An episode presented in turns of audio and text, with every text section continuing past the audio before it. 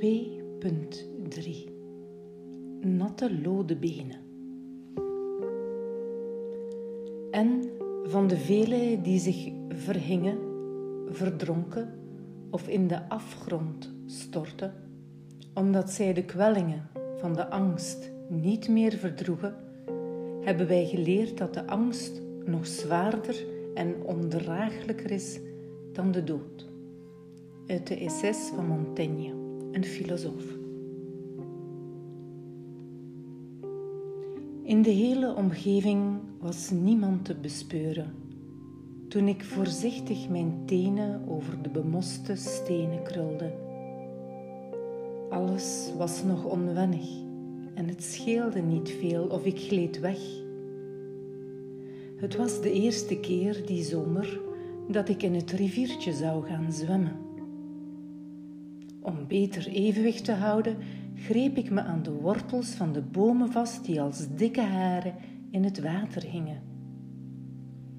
Mijn ogen scheerden over het wateroppervlak en langs de oevers naar mogelijk gevaar. Ook het riviertje verzwolg in een buitenaardse stilte en met uitzondering van een groep ijverige schrijvertjes was er weinig beweging in het water. De kevertjes staken met hun waterwandelen Jezus de loef af. Ze danste even elegant als in een choreografie van het dansgezelschap Rosa van Teresa de Keersmaker. Het vluchtige van hun schriftuur deed me terugdenken aan een dikke, kleine man die ik in de gaande rijden van een tempel in Beijing had bezig gezien. Om een meterlange stok had hij een kegelvormige moesse gebonden, eindigend op een punt. Daarmee zoog hij water op uit een emmer en tekende Chinese karakters op de dorstige tegels. Als ik het me goed herinner, was het bij de tempel van de hemel. In en rond die tempel was het ook vredig en kuierende mensen. Ze genoten gemoedelijk van alle kunstenaars die in alle vormen demonstreerden wat ze konden. Velen oefenden zich op hun muziekinstrumenten. Rondom de dikke man applaudisseerden de toeschouwers. Ze bewonderde de natte kalligrafische hoogstandjes op de keramische vloer, die samen met het applaus na enkele seconden al verdwenen. Hoe feller het applaus, hoe perfecter het karakter. De nerveuze schrijvertjes hebben lak aan de ongrijpbare vergankelijke schoonheid van hun bewegingen. Ze geven niets om de inhoud van wat ze op het water schrijven. Hun droedelen is gericht op het vergaren van voedsel.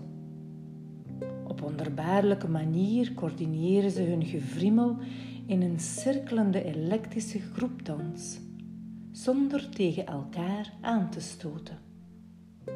Dat kan men van mensen in een supermarkt op zoek naar voedsel niet zeggen.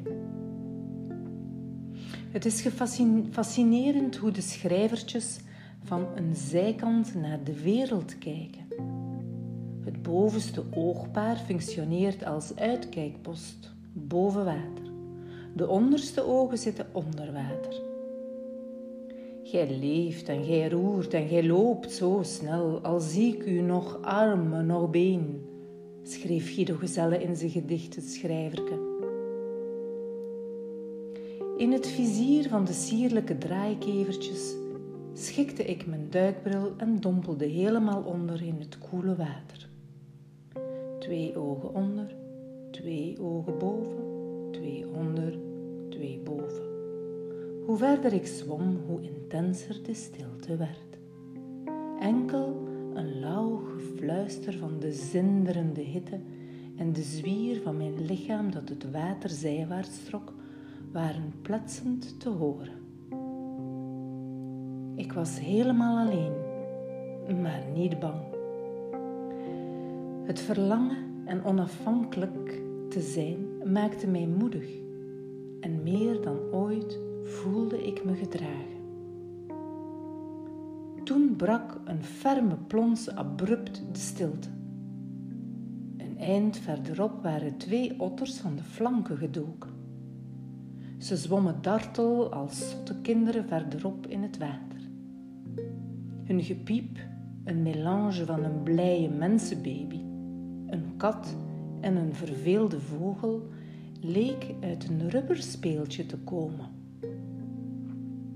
Ze schenen geen last te hebben van mij, de vreemden in hun zwemwater, of ze hadden mij niet gezien. Bijna overal in de rivier kon ik met gemak staan en met mijn tenen door het slip in de zachte mond van de aarde zakken. Door de aanhoudende droogte was de bodem op veel plaatsen goed zichtbaar. In een wedstrijd met mezelf moest ik in het te lage water blijven drijven en mochten alleen mijn tepels, de kiezels en de talrijke stokjes op de bodem raken. Als ik recht stond, was ik verloren. Ondanks het geluk in mijn kinderlijke spel en de schoonheid rond de bedding van het riviertje, bleven mijn gedachten haperen in het verhaal dat ik even voordien gehoord had. Net voor ik naar de rivier was gefietst, had ik halt gehouden bij mijn buurvrouw om even een praatje te maken. Dat is de gewoonte in een Frans dorp. Ik had gezegd dat ik in La Tardoire een duik zou nemen, waarop zij het verhaal van de vrouw van de oude beenhouwer had verteld. Ze is in het putje winter in het ijskoude water gesprongen. Ze vonden haar kort daarna stroomafwaarts en hebben haar bij de brokantenzaak eruit gevist.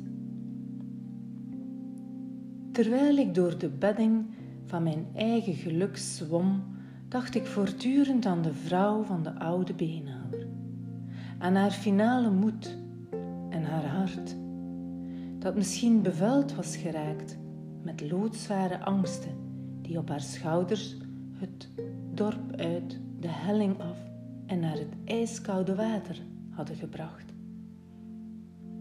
Onder hypnose was haar lichaam traag van de modderige flanken gegleden. De koude had haar niet eens afgeschrikt. Niets had haar nog afgeschrikt. En ze was meer dan ooit zeker geweest van haar zaak. Ze had voldoende flanken omhoog gekropen. Met trillend lichaam had ze het water gebroken. En toen de kilte in haar knieholte kroop, had ze de ruwe kracht in haar hart gevoeld en zich door het riviertje laten opnemen. Het water had haar mondholte, haar radeloos trottenhoofd en haar nauwe longen gevuld. Langzaam had de eeuwige slaap haar opgevuld en haar lichaam als een blauwe ballon stroomafwaarts gedreven, tot de scherpe tanden van de gehoorzame politiehonden haar lichaam uit het water haalden. Op de bodem zong haar laatste adem een eenzame aria. Mijn borsten tasten, raakte kiezels, draaide stokjes om en ontmoette haar in het slijk waar ze gezonken was. Wat was er in haar zo ondraaglijk geworden? Zo onhoudbaar dat ze het einde had geforceerd. Wrikte, oude, haar, wrikte haar oude botten tegen? Sleurde ze zichzelf mee onder de boog van haar schouders in een te stram lichaam? Rispte haar gal bitter op tijdens de slaaploze nachten? Was haar leven lusteloos geworden als een uitgeputte elastiek? Liep ze op een slappe koor terwijl ze nog had willen dansen? Welke angsten knaagden? Of waren het versleten verwachtingen? Welke duistere bron had haar, haar beker gevuld met de kracht en de moed om het onherroepelijke van de dood in haar te laten stromen? Waarom hadden haar lode benen haar naar de rivier gebracht, die haar moesten meevoeren weg van hier? Waaraan dacht ze toen ze haar schoenen liet vollopen en ze haar natte tenen voelde kleven? Toen ze onbevreesd toch haar lode benen de opdracht gaf dieper en onder te gaan en nooit meer boven te komen. Het liet mij maar niet los. Onfatsoenlijk gedreven naar een antwoord, reed ik onbezonnen de heuvel op, die zwaar omhoog voer naar het dorp. Mijn vinger duwde op de bel van de garagepoort van de gepensioneerde beenhouwer. Uit mijn natte vlecht droop het water dat haar lijden had verzopen. Na een tweede maal aanbellen en een tikje geduld ging het deurtje in de poort open. Hoewel wij elkaar nooit eerder hadden ontmoet, fonkelden de ogen van de beenhouwer opgetogen. Met zijn linkerhand torste hij achteloos aan een hemd om het aan te trekken en met zijn andere hand hield hij de garagedeur voor me open. Eén oog keek me welwillend aan. Het gleed over mijn lichaam, van boven naar onder en van onder terug naar boven.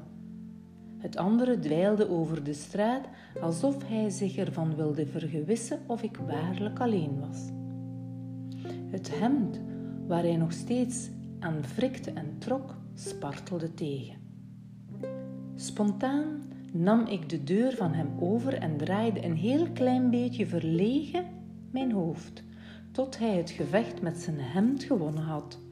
Zijn naakte torso was niet voor mijn onverwachte bezoek bestemd. We bevonden ons in een kraaknette garage waar alles duidelijk een plaats had gekregen. Zijn guitige, vragende blik bleef, net als ikzelf, ongegeneerd. Omdat ik niets wou bruskeren, liet ik hem de tijd om aan mijn onverwachte verschijning te wennen.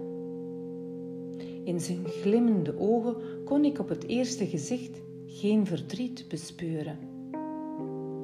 Misschien hield hij de schijn hoog. Onze tijd van besnuffelen begon te kantelen en om te voorkomen dat hij mij zou versieren, stak ik van wal. Hij zou zich bedrogen kunnen voelen mocht ik hem te laat te kennen geven dat ik voor de treurige zaak was gekomen. Maar dat ik er was om aan de dood weer leven te geven, zou ook kunnen tegenvallen. Ik ben een migrainepatiënt en ehm, ik hoorde wat er is gebeurd het, het spijt me oprecht, mijn medeleven met uw vrouw. Zo stak ik zonder franje van wal. Oui, oui, merci, zei hij, bijna nonchalant, omdat het wellicht de zoveelste condoleance betrof. Ik zou um, een boek willen schrijven over migraine, maar waarin algemeen lijden ook aan bod komt. Migraine zou misschien eerder als een metafoor worden gebruikt voor alle andere soorten van verdriet, pijn en lijden. Het was de eerste keer dat ik een formulering uitsprak die verwoordde waar ik mee bezig was en die mij op dat moment moest indekken voor mijn onbeschaamd gedrag. Hij hapte even en zuchtte. Mm, mijn vrouw leed inderdaad aan zware migraines, maar raakte daar zoals de dokters hadden voorspeld door haar menopauze zo goed als vanaf. Ik staarde hem verbouwereerd aan, want dit was louter toeval. Ik had helemaal geen weet van haar migraines gehad, maar liet daar niets van merken. Ik hoorde dat hij twee zaken verdedigde. Enerzijds dat haar migraine geen oorzaak van haar lijden was, en dus niet de beweegreden van haar zelfdoding. Dat ging voor mij wat kort door de bocht. De tol die het gemoed en het lichaam betalen door levenslang geplaagd te worden door migraine is niet zomaar weg te schrijven. dat haar jarenlange migraine helemaal geen rol in de malle molen van de zelfmoordgedachte had gespeeld, viel te betwisten. Een lichaam dat al die tijd pijn heeft afgebeten, is te vergelijken met een gelijmde vaast. Het fragiele is niet alleen zichtbaar, maar vooral voelbaar door diegene die de vaas is. En het risico dat ze opnieuw breekt is niet gering. Bij de kleinste tik valt ze weer in scherven. Haar migraine mag door de menopauze dan wel drastisch zijn verminderd. Het pijnlichaam heeft een geheugen. Hoe dan ook, het was heugelijk nieuws dat de menopauze hoopgevend is. Het was heet in de garage. En ook al stond de deur naar de prachtige tuin open, toch waagde geen briesje het om de overheersende hitte te verplaatsen. Het zweet stroomde langs mijn nek naar beneden en in de uitholling van mijn rug lag een plas. De beenhouwer greep naar een handdoek en depte het zweet weg van zijn, die zijn blik vertroebelde. Gewillig ging hij verder. Niet eens zo lang geleden kregen we dat slechte nieuws over onze dochter. Ik deinsde een beetje naar achteren, want pas dan ervoer ik het indringende karakter van mijn bezoek. Ik had mezelf te midden van onbekende levens geplaatst, zonder na te denken of zoiets wel gepast was. Maar ik kon niet terug. Uh, het spijt me, zei ik stil. Het is misschien niet gepast dat ik zonder u te kennen bij u binnenval, maar ik had het net vernomen van, van, u, van mijn buurvrouw. Buren vertelde het mij toen ik hen liet weten dat ik in de rivier ging zwemmen. En het verhaal liet mij niet los, alsof ze onder mij zwom ik heb niet nagedacht en ik ben impulsief hierheen gekomen. Alsof ik haar op mijn onhandige manier wil, wil terughalen. Hij keek verrast, vond het wellicht allemaal wat raar en verwarrend. Ik schaam me niet om over de dood te praten, ging ik verder. Ik wou dat mensen dat meer deden. Toen, toen ik mijn beste vriend verloor, durfde niemand met mij over hem te praten, uit angst dat mijn verdriet te groot was misschien. Behalve zijn dochter. Alleen zij hield ervan om anekdotes op te halen. Iedereen in mijn omgeving zweeg hem dood, terwijl hij nog, nog nooit zo brandend aanwezig was geweest. De dood schept een, een prominente plaats voor de overlevende in je leven, vind je niet? Lange tijd eiste mijn vriend die ereplaats op. De aanwezigheid van de dode dwingt zich op een veel intenser en intieme manier in je gedachten, je tijd, je vreugde, je verdriet en je ruimte. De beenhouwer bekeek me alsof mijn Frans niet het Frans was dat hij sprak en staarde naar het water dat uit mijn haar drupte. Het stroompje kriebelde over mijn borstkast. Ook mijn kleedje werd nat. Ik wrong een paar keren en dikke druppels spatten open in een tekening op de vloer, waarover we ons spontaan bogen. Sorry, zei ik, voor het water. Maar hij wuifde het weg en glimlachte vriendelijk, wat me moed gaf om door te ratelen. De dood wordt bij ons weggemoffeld. Een dode is toch pas dood als hij wordt doodgezwegen. Denkt u niet? Maar hij reageerde niet, dus zei ik: Misschien doet het u goed om erover te praten. Maar bon Dieu, met wat een bende clichés kwam ik toch af, alsof ik een dorpspastoor was. Was het onwennigheid die ik probeerde weg te praten? Maar de beenhouwer leek er niet zo mee in te zitten als ik. Hij vond het niet erg dat ik over zijn vrouw kwam praten, ook niet dat ik hier en daar een clichétje gebruikte. Hij richtte zich op, rechte zijn rug, wiegde wat en keek wat verveeld naar de tekening op de grond die zo goed als verdwenen was. net als de aanwezigheid van de doden. Propere garage werd proper gehouden, het moederschip voer verder. Misschien praat ik te veel, maar het spijt me werkelijk voor, voor iedereen die getroffen werd. Hij deinsde wat naar achteren. Ahem, schraapte zijn keel. Ah, nee, nee, nee, zei hij ineens. En zijn stem verhief zich een beetje. Ik schrok, schrok en zette ook een stapje achteruit. Daar houd ik niet van. Geen medelijden, daar heb ik niets aan, zei hij. Het moest nu maar eens duidelijk gezegd met wie ik eigenlijk te maken had. Ik moest het voor eens en altijd goed begrijpen. Hij kon het wel aan, de zwaarte, dit leven. Ik ben altijd sterk geweest en gebleven. Dat moest wel voor de zaak. Hij keek me een paar seconden streng aan en wachtte op een reactie. Maar ik was stilgevallen, naar binnen gekeerd, geschrokken door de verwarring tussen ons.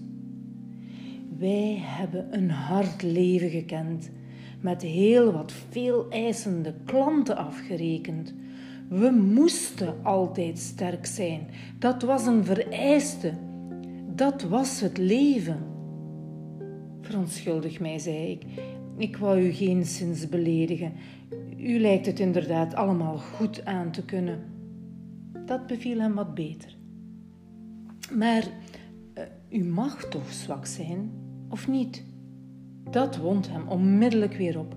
Nu had ik het echt verknald. Natuurlijk beschouw ik mezelf in geen geval als beter dan een ander, siste hij daarop vurig.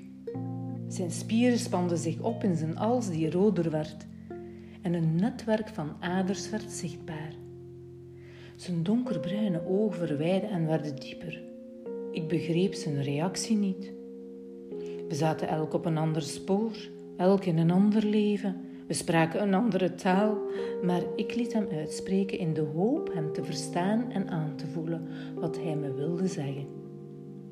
Hij had het over een keldergat, waarin hij voor zijn klanten kroop. Jaren en jaren trap op en trap af naar de koele kelder waar het vlees koel bleef, tot we een echte koelkamer konden installeren. Ik knikte verwonderd en instemmend, maar zag de verbanden niet.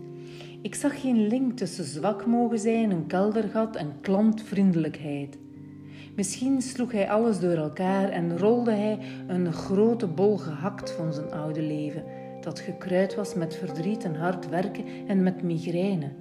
Hij mengde de bittere gewoonte als een saus, als een saus in zijn leven van vandaag. Om ondanks alles altijd te moeten doorgaan en aan geen zwaktes te moeten toegeven. Ook niet na de dood van zijn vrouw. Die gewoonte die hem overeind, overeind hield, kende die macht. Het was een gewoonte om nergens te lang bij te blijven stilstaan. Terwijl ik bij, elk, terwijl ik bij elke zwakte halt hield om erin te roeren, waren er mensen die het helemaal anders deden. Wie weet ervaarde hij mij nu als een klant. Tegenover de klant ben ik altijd gedienstig en stel ik me nederig op. Ik gedraag me als de mindere, zei hij nog. Hm, ook dat snapte ik niet. Waarom voelde of gedroeg hij zich als een minderwaardige terwijl hij een lijk verkocht? Maar opnieuw knikte ik, omdat ik iemand die verdriet had en wellicht leed niet kon tegenspreken. Ik werd er stil van. Ik luisterde alleen maar en was al blij dat hij weer wat rustiger was. Hij keek op en lachte breed. Zijn ogen begonnen opnieuw te blinken. Hij meende dat ik eindelijk begrepen had hoe een leven na de dood in datzelfde leven verder gaat. Hij lachte weer, keek naar mijn mond en wachtte tot mijn lippen hem beaamden. Al haar vriendinnen blijven komen, buiten een paar. En ze had meer vriendinnen dan ik vrienden heb. Hij lachte nu harder en zette een borst op als een haantje. Had u niet gemerkt dat ik niet meteen kwam openmaken? Ik knikte en herinnerde me de tweede bel en het tik, tikje geduld aan de deur. Dat komt omdat iedereen hier binnen en buiten kan. Mijn deur staat altijd open voor haar vriendinnen en mijn vrienden. We glimlachten naar elkaar. 22 jaar waren we toen we met onze beenhouwerij begonnen. En we gingen door tot aan ons pensioen. Meer dan 40 jaar brachten ze de dood in al hun vormen op smaak en verhandelden die handel met of zonder witte, rode of bruine saus. Al die tijd zweefde in de lucht de geur van de dood, van bloed, slappe spieren, vet en beenderen. We hadden meer dan geld genoeg. We kenden geen geldzorgen. Liet hij me verder weten en hij keek daarbij tevreden terug naar al die dagen en de macht der gewoonte. Buiten dat vreselijke nieuws van onze dochter ging alles perfect. Maar toen. Hij haalde lang en diep adem en leek zich een einde te herinneren van iets dat had moeten doorgaan. Dat was het, dat ze zich in het hoofd haalde, riep hij haast kwaad.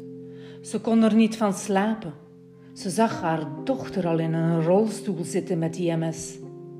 Het gesprek begon een foute dialoog van een fout toneelstuk te lijken. Een amateuristisch dreuntje bestierde zijn tekst, als een comfortabele formule die hij aframmelde. Op de een of de andere manier leek ik naar een volkstheater te kijken. Maar misschien was die uitleg wel zijn redding en kon hij daardoor rustiger slapen, ook al was ze weg. Ik knikte alsmaar en luisterde, ook al stelde ik me vragen bij een moeder die wilde verdwijnen als haar kind hulpbehoevend werd. Vergeef me, hernam ik het woord, maar ook al gaat het om opgeven, toch getuigt het van veel moed. Uh, wat ze deed, uh, vindt u niet? In de context van uw overleden vrouw is het misschien niet geschikt om zoiets te zeggen, maar ik wachtte even. Het getuigt toch van moed, van veel moed, om zoiets te doen om met smartelijke lode benen naar die ijzige rivier te lopen en wellicht zou hij, me, zou hij er me nu uitzetten. Maar dat gebeurde niet. In de plaats daarvan was hij zo enthousiast dat hij me niet liet uitspreken en zelf hierover het woord nam. Ja, viel hij me bij, vooral omdat zij water haatte. Ze was in haar hele leven nooit dieper in het water gestapt dan haar enkels enkel op vakantie, alleen maar om de kinderen of kleinkinderen plezier te doen, niet eens voor zichzelf. Verder dan dat ging ze nooit in het water, waar ze, voor de, waar ze als de dood voor was. Enkel pootje baden aan de branding van de zee. Ze kon en zou niet of nooit zwemmen. Bon Dieu, onwaarschijnlijk ondersteunde ik hem. Dat ze dat dan als laatste keuze. Ze koos voor het water, haar grootste angst. De voor haar grootste gruwelijke keuze ging het door mijn hoofd. Deemoedig dwaalde mijn blik door de garage en gleed op zoek naar iets van haar langzaam heen. Mijn ogen speurden door de rekken. Zou zij het zijn geweest die ze zo netjes wist te houden. Mijn aandacht daalde de trap af, als een vlieg gezogen naar het licht of naar de weelderige bloemen in de tuin, die zo schaamteloos fel van kleur bleven. Zou ze daar zijn? Zat haar geest in de tuin? Of leunde ze mee over zijn schouder? Rustte er nog vingerafdrukken van haar op de plankjes in de rekken? Kraakt haar pas nog ergens op een tree. maar nergens rook ik haar, zoals ik dat bij de rivier had gedaan. Ze leek weggespoeld, weggepoetst van de plankjes, samen met het zeepwater over de vloer, langs de stoep, het riooltje in, stroomafwaarts naar de rivier. Waarom toch? Waarom toch? klaagde het in mijn hoofd, terwijl ik opnieuw zijn blik zocht. Ik draaide mijn vragen als pannenkoeken, maar aan de zijwegen die hij nam begreep ik dat we klaar waren en er niet veel meer was dat hij me nog kon of wilde zeggen. Veel meer kan ik u niet vertellen. Ze heeft niets nagelaten. Zelfs geen briefje aan u? Nee. Hij keek naar de grond en hief daarna wat dromerig zijn hoofd. Rond de tafel met de kinderen zochten we ons gek naar de mogelijke oorzaken, maar daar heb ik schoon genoeg van. In zijn ogen zat nieuw leven. Ik wil stoppen met zoeken. Daarbij zwaaide hij met zijn handen, die het zoeken wegwuifden. De vraag stellen is al heel wat, zei ik.